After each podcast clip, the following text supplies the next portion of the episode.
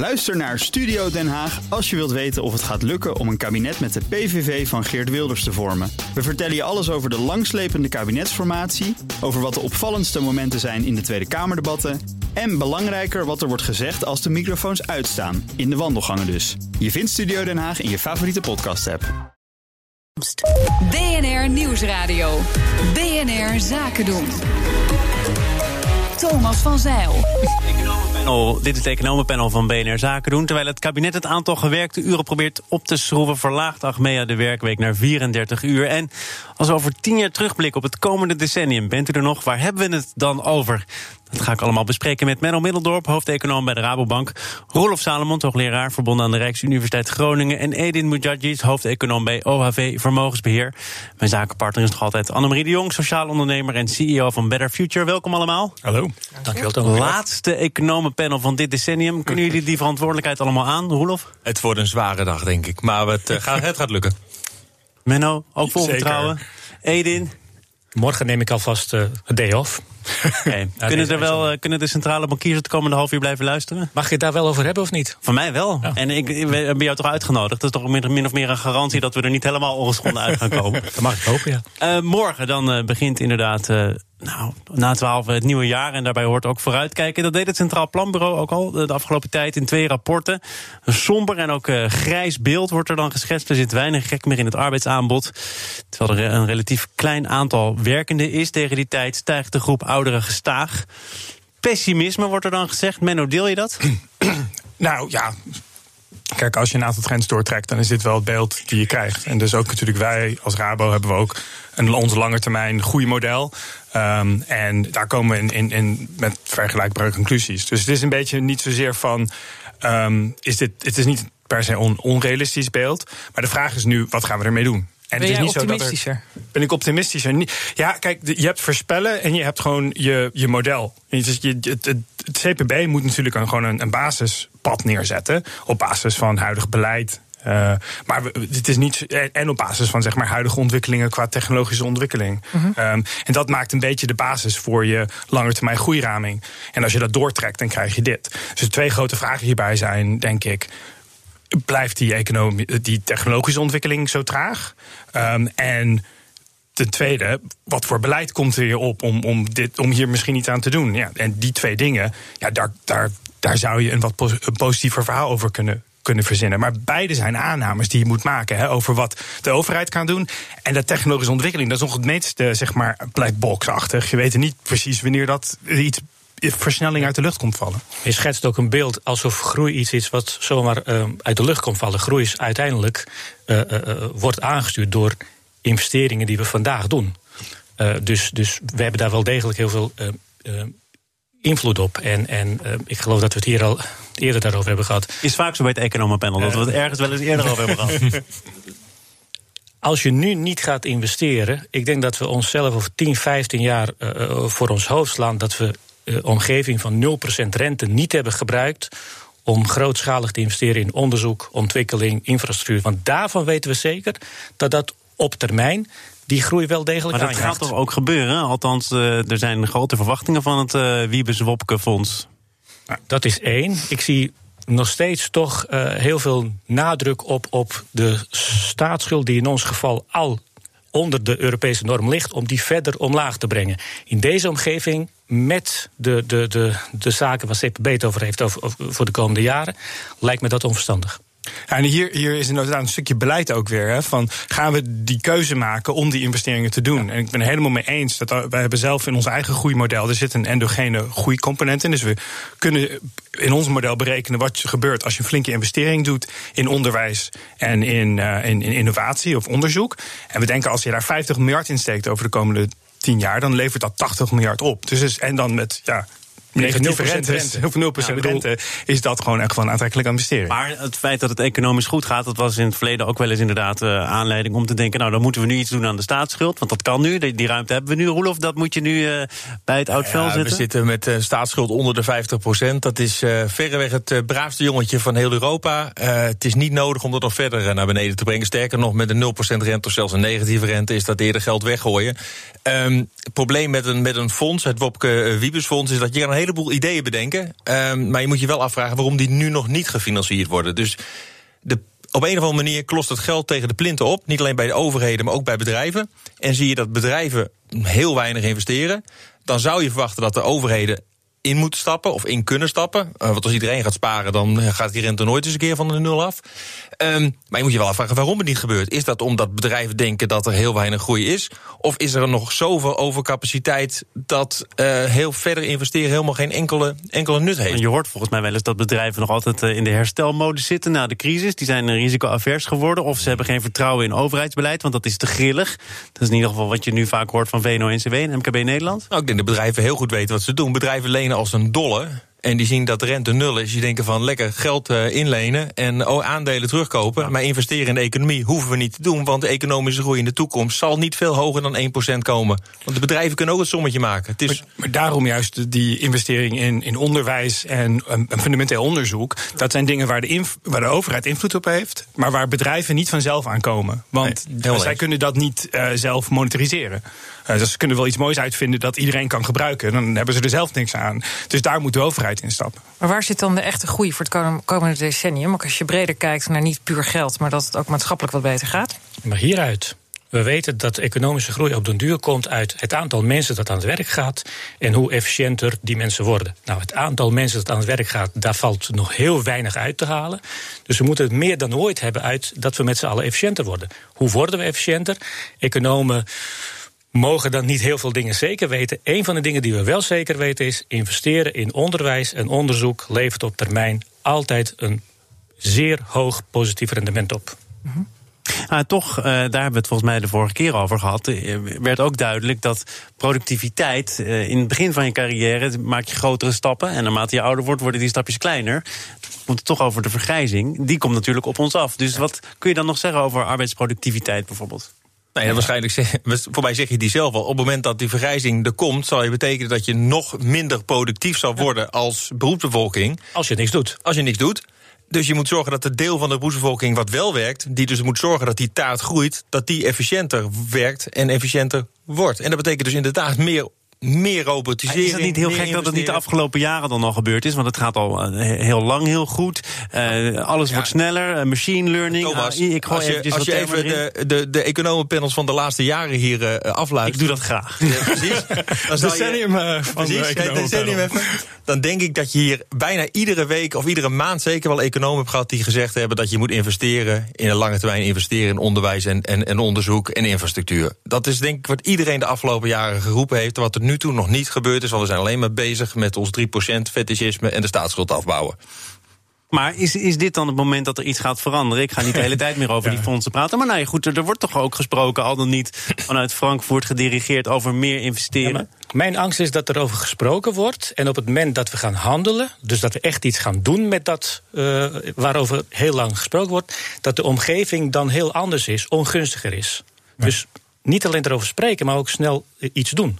Ja, en, en als je het nu niet doet, dan weet ik het ook niet meer. Zeker gezien de hoogte van onze schuld, want die is wel erg laag. Ja, het zou mooi zijn als er nu een structuur komt die toekomstige kabinetten verbindt aan dit soort investe een investeringsagenda. En of dat gaat lukken en of ze het ook vervolgens het, um, niet aan de verkeerde dingen uitgeven, ja, dat is nog een enorm vraagteken. Maar Wiebes heeft ook al iets gezegd over die groeiagenda. En dan heeft hij het toch ook weer over uh, de deeltijdcultuur hmm. verbreken. Dus dan gaat hij naar de andere kant van de oplossing, die volgens jullie, als ik het goed samenvat, niet echt een oplossing is. Nou ja, je kan er wel wat uithalen.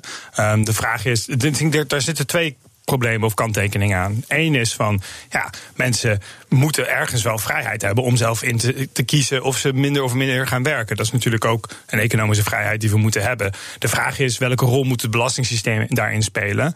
En als het belastingssysteem nu is soms wel onnodig ontmoedigend eh, om een extra uur te gaan werken. Vooral omdat we een hele ja, springerig, rare, moeilijk inzichtbare um, marginale druk hebben. Dus als jij niet superveel verdient en iets meer gaat werken, dan weet je niet altijd. Het loont niet. Uh, het, loont niet. het loont vaak niet en je weet vaak niet precies wat het, wat het gaat opleveren, omdat het ook heel complex is. En als je aangeeft dat het daarin ligt, dan, dan zeg je impliciet in mijn ogen dat het de schuld is van mensen die minder willen gaan werken, dat de economische groei niet hoger is. En dat, dat, dat, is, dat is gewoon niet waar. Mensen ja. moeten die, die vrijheid hebben om Maar waarom is dat werken. gewoon niet waar? Het kan toch ook beide waar zijn dat je en die vrijheid belangrijk vindt, maar dat het toch ook wel nuttig is als je meer gaat werken? Wat ik hiervoor al zei, groei komt uit het aantal mensen aan het werk en hoe efficiënter die mensen worden.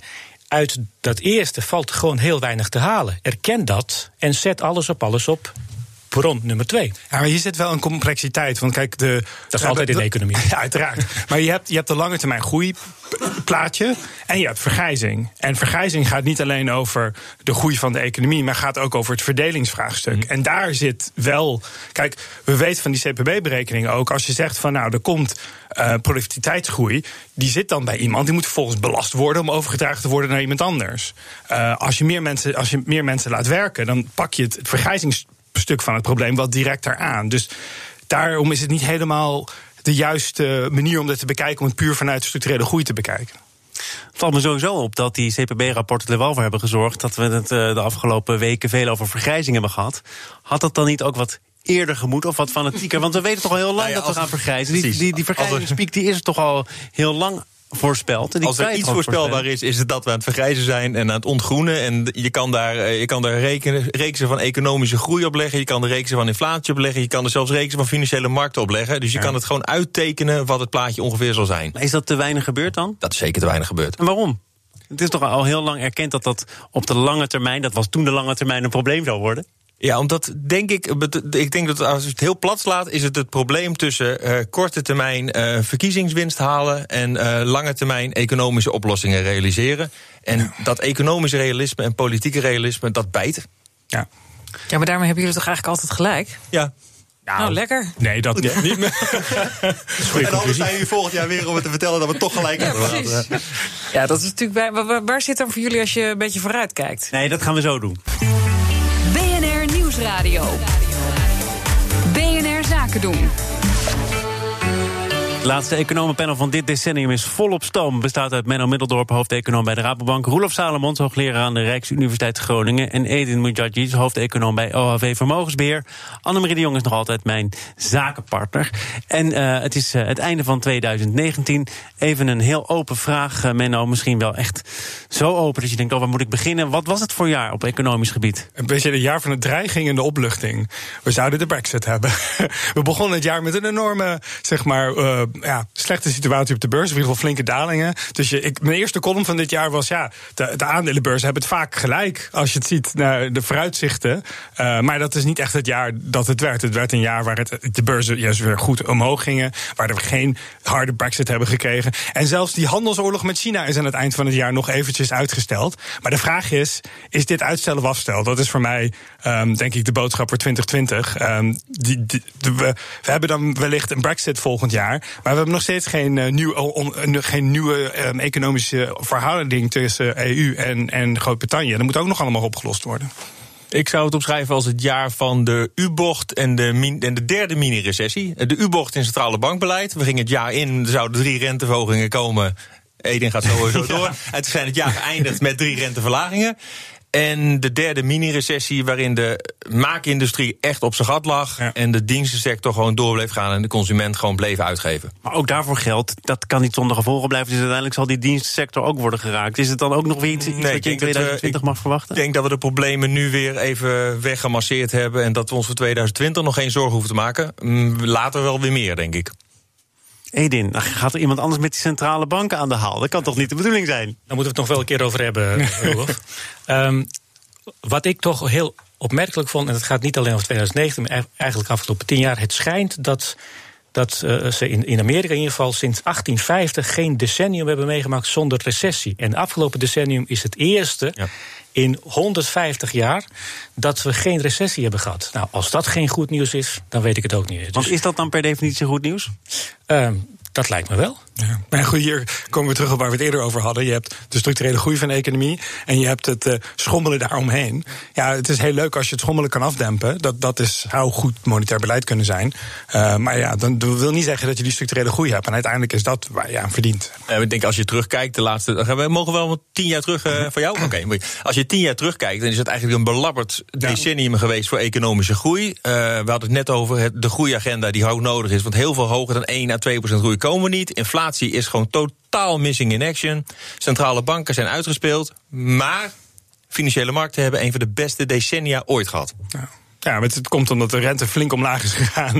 En dat heeft ook te maken met die trage groei. Want Ja, maar- Die post-herstelperiode eh, na een, een financiële crisis, ook in, in, in, eerder in het verleden, blijkt dat telkens een hele trage her- herstel te zijn dat moeizaam verloopt. En, dat, en, en er zit denk ik ook een verband tussen dat moeizaam verloop en het, het uitblijven van de recessie in Amerika. Het is gewoon, we, hebben, we zijn gewoon niet zo snel tegen die grenzen aangekomen van de economie. Ja, dan, krijg je ook geen terugval. Ja, dat ben ik met je eens. Eh, De startpunt was, was, was laag. Ik heb even teruggekeken. De winstgroei over het afgelopen decennium is ook heel sterk geweest. Dus je hebt geen loongroei gehad. Je hebt geen inflatie gehad. Je hebt weinig economische groei gehad. Maar bedrijven hebben het wel eens een dolle gedaan.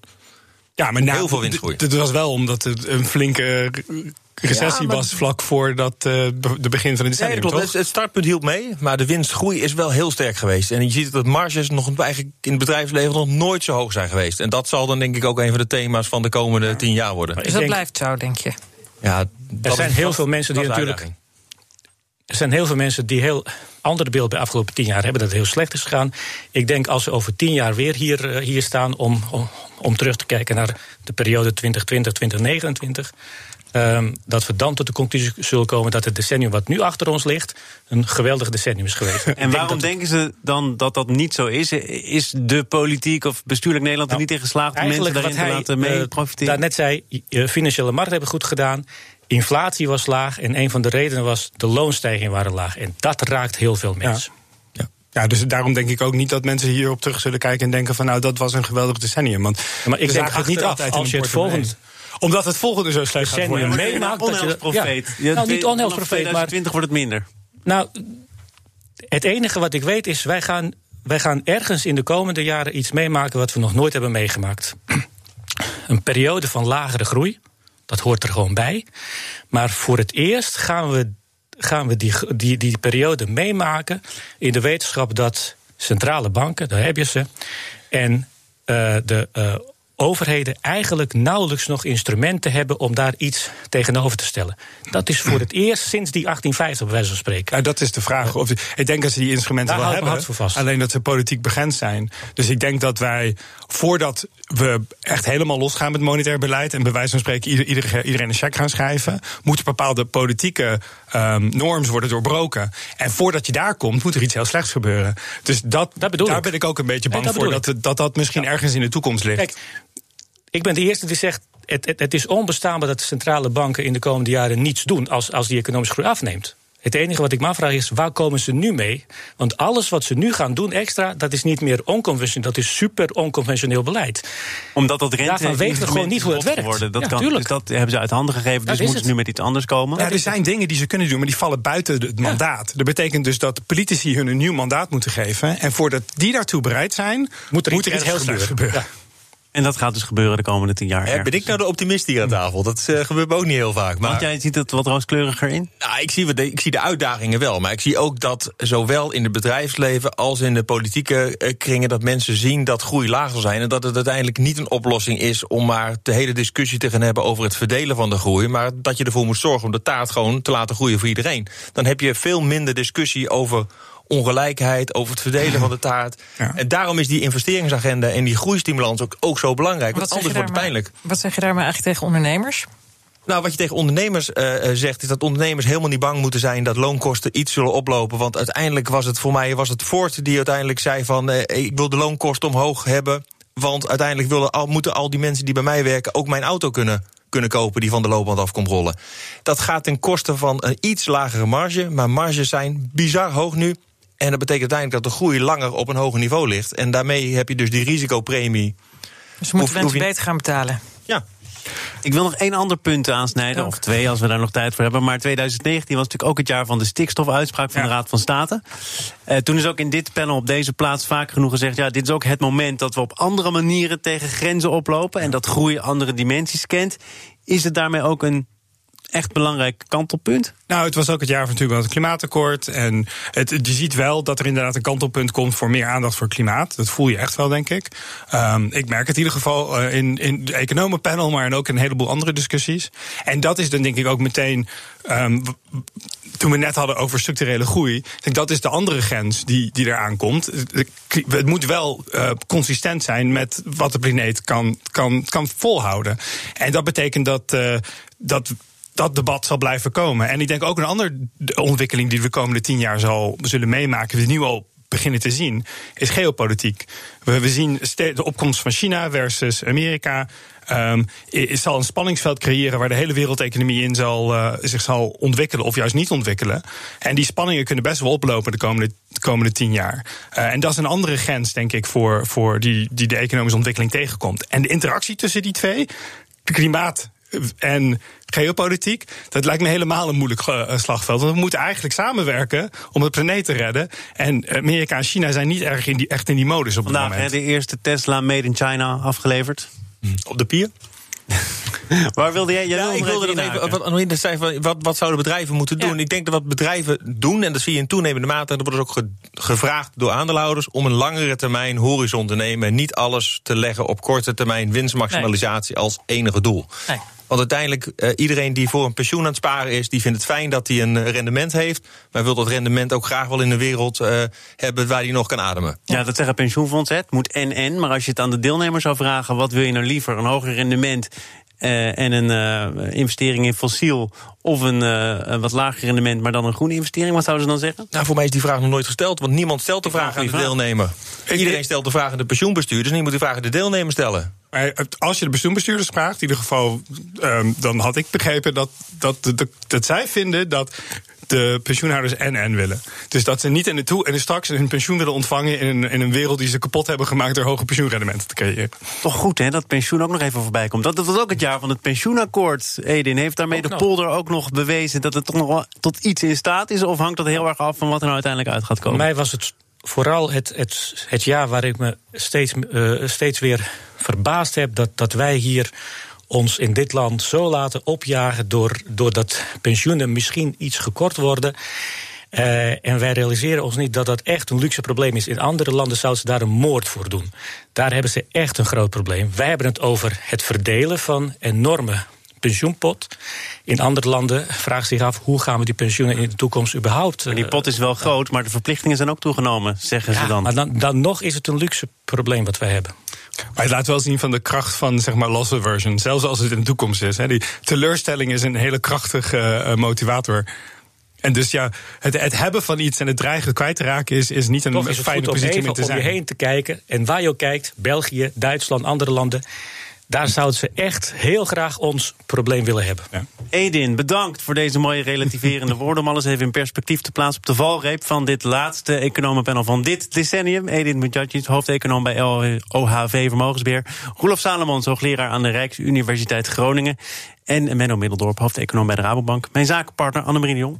Fijn dat je er was de afgelopen twee uur. Kom je nog een keer terug? Graag. Ah, fantastisch. Morgen dan is de allerlaatste BNR Zaken doen van dit decennium. En dan is uh, te gast de directeur van Ahoy, Jolanda Jansen, met volgend jaar een belangrijke uitdaging, namelijk het Songfestival. Morgen meer, zometeen eerst Newsroom, onze dagelijkse podcast van het FD en BNR. Veel plezier daarmee en tot morgen. Ook Diana Matroos vind je in de BNR-app. Ja, inderdaad. Je kunt live naar mij luisteren tijdens de Big Five. Ook handig in de BNR-app. Breaking nieuwsmeldingen, maar ook het allerlaatste zakelijke nieuws.